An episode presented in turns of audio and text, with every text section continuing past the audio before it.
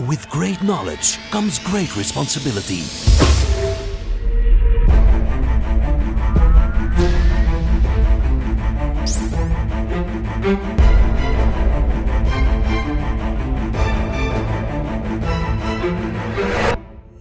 Fifty-two topics by Maarten Bové and Kevin Couvreur. Oké, een nieuwe week, een nieuwe topic. Maarten, wat wordt het vandaag? Yes, het is een van mijn favoriete topics. Azure, Public Cloud, Cloud. Ja, er zijn veel verschillende soorten. We gaan beginnen. Hè. Laten we beginnen met ja, een heel eenvoudige. Van on-prem naar private naar public. Ja, nu toevallig hier hè, achter ons hebben we een whiteboard staan uh, waar dingen op getekend zijn. Uh, we hebben ons dus wel voorbereid vandaag en ik wil even ja, iedereen meenemen eigenlijk naar het verhaal van waar komt het eigenlijk allemaal vandaan? Ja. Of waar gaat het eigenlijk? Goed idee.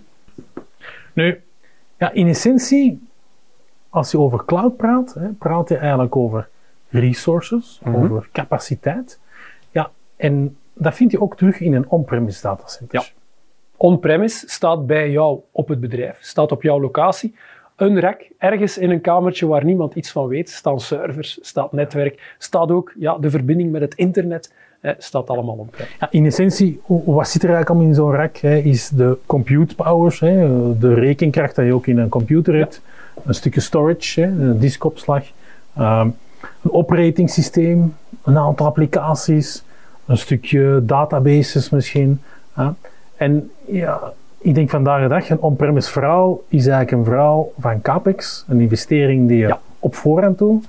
Ja, dat is een beetje ook de glazen bol discussie. Hè? Van, ja, moeten wij vandaag of kunnen wij vandaag al gaan weten wat er binnen drie, vier of vijf jaar gaat nodig zijn voor uw bedrijf? Dat is toch al een grote uitdaging. Het gaat ook niet altijd over kleine investeringen natuurlijk. Nee, nee. En dat is de keuze hè, dat veel CIO's, IT-managers de hele tijd moeten maken. Hè, eh, en de inschatting die ze ook moeten maken. Maar het is wel een investering op voorhand die Ja, gebeurt. dat is juist. Dan is er ook een, een belangrijk operationeel gedeelte.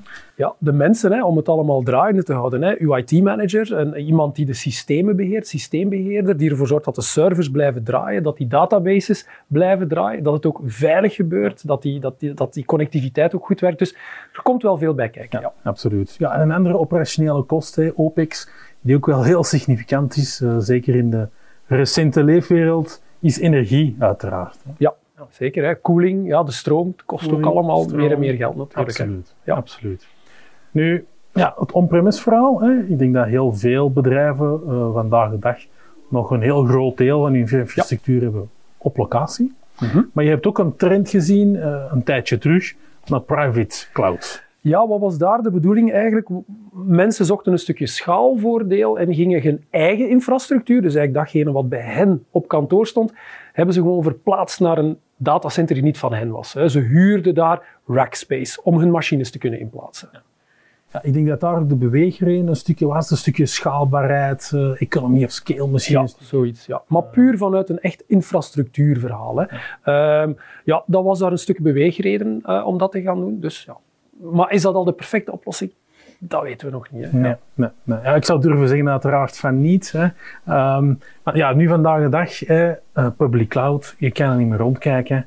Eh, het is gewoon gigantisch, het Ja. blijft enorm groeien. Ja. Eh, Het enige ja, wat soms een beetje jammer is, is dat het public noemt. Hè. We gaan ervan uitgaan dat ja, alles ja, eh, aan het publiek wordt gegeven, dat het open en bloot op straat ligt, maar dat is ook niet zo, hè, denk ik. Nee.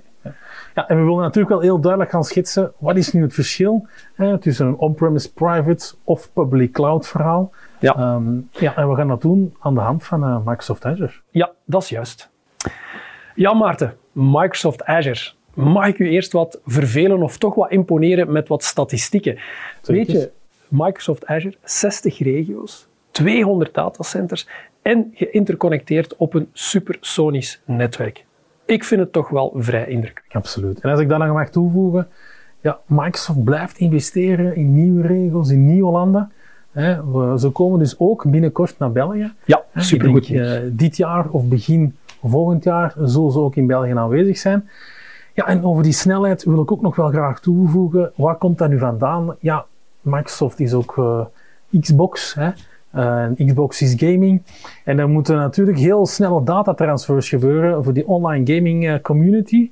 Ja, en eigenlijk een stukje van de technologie van Azure is ook daarop gebaseerd. Ja, dus die gaming-technologie zit overal verweven blijkbaar. Hè. Dus ik denk dat we het nog een paar keer gaan tegenkomen, die gaming-technologie. Sowieso. Maar oké, Maarten.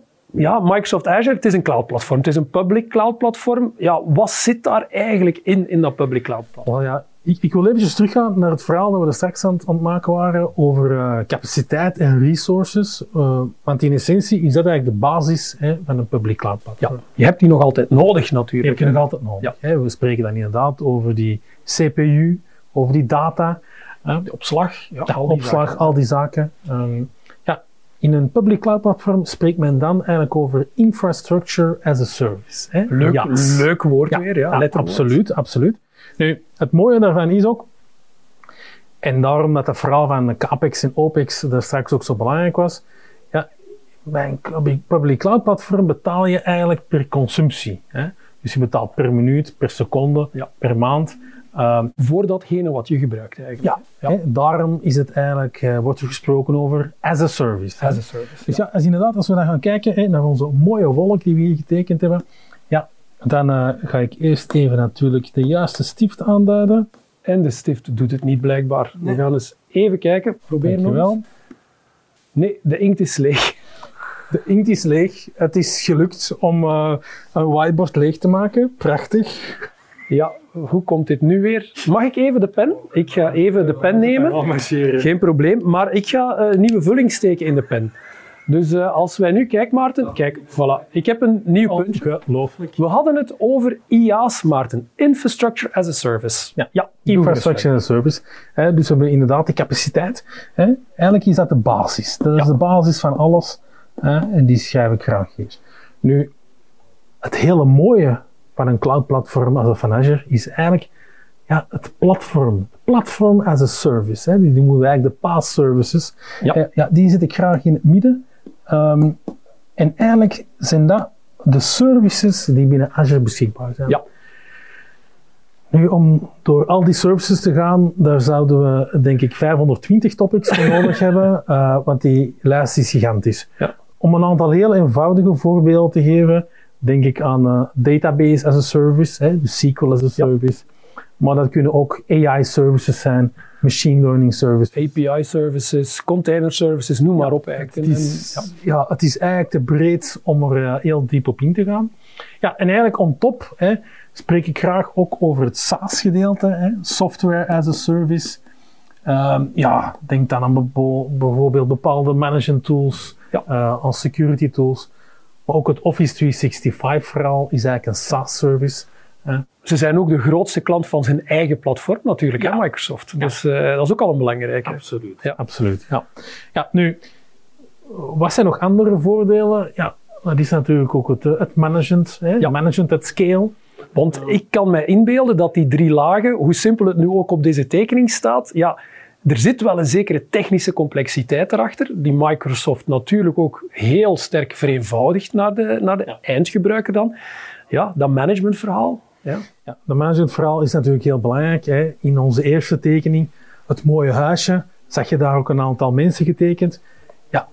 Een aantal van die mensen, ja, Microsoft natuurlijk heeft een aantal zaken geautomatiseerd. Hè? En daar zit er natuurlijk ook een stukje mee in verwerkt. Ja, ja. Dus ja, managementverhaal is een belangrijke, ook een stukje als motivering. Hè, want het, het- ze maken het, of ze trachten het toch zo eenvoudig mogelijk te maken om een complex verhaal effectief te gaan gebruiken en te in te zetten. Klopt. Hè? En, en er zijn natuurlijk een aantal heel mooie toepassingen ook van. Hè? Ehm, Je kan alles meten, je kan alles monitoren. Ja. Dat is fantastisch. Je hebt heel veel tools beschikbaar. Eh, native van Microsoft, maar ook extern natuurlijk. Ehm, en een heel mooi voorbeeld dat ik vandaag ook vind, is een hip trending topic. eh, hybrid cloud. Ehm, is niet zo nieuw, maar combineert eigenlijk de on-premise wereld met de, met de cloud wereld. Ja, natuurlijk alles wat je toevoegt is meer complexiteit. Ja, en meer zeker. complexiteit, ja, dat moet gemanaged worden. En daar heeft eigenlijk eh, Microsoft iets ongelooflijk fantastisch voor gevonden. En dat is eigenlijk Microsoft Arc. Maar daar gaan we nog meer in detail Zeker gaan. Ja, in een ja. latere episode. Ehm, ja, wat is er nu belangrijk eigenlijk aan heel dit verhaal? Ja. Ja, dus één ding waar we het nog niet uitgebreid over gehad hebben, is security. Ja. Ja. mogen we niet vergeten, hè, security. Ik denk dat de, de last om dit allemaal te beheren, dat is één ding op infrastructuurniveau. Maar die beveiliging, heel actueel ook wat topic natuurlijk. Hoe zit dat in elkaar? Het is, uh, het is een heel breed topic natuurlijk, heel moeilijk om, om een heel kort antwoord op te geven. Um, maar wat, wat, ik al wel kan meegeven, want we gaan er in een latere episode op, mm -hmm. terugkomen, is dat um, Microsoft eigenlijk het, de enigste vendor is van een cloud platform dat ook tevens een van de grootste security vendors is in de wereld. Ja. Um, dus je kan wel zeggen dat de nummer één keuze voor naar een, een cloud platform te gaan, is eigenlijk security ja, één van de beweegredenen natuurlijk om daar naartoe te gaan. Dus ja, we hebben infrastructuur as a service. We hebben platform as a service. We hebben software as a service. Dus ja, de drie fundamentele lagen. We hebben daar nog een keer monitoring bovenop. We hebben daar dan nog een keer ja, een hele security laag die daarop staat. En we hebben tools zoals Arc die het mogelijk maken om zelfs hybride omgevingen te gaan beheren en te controleren. En zelfs multicloud, maar dat is... Dat is misschien voor een volgende topic. Dus ik denk, ja, heel eenvoudig uitgelegd. Dank u Maarten uh, om die expertise hier natuurlijk op het uh, prachtige whiteboard te gaan demonstreren. Dus ja, ik zou zeggen, uh, op naar de volgende topic. Bedankt en tot binnenkort. Bye.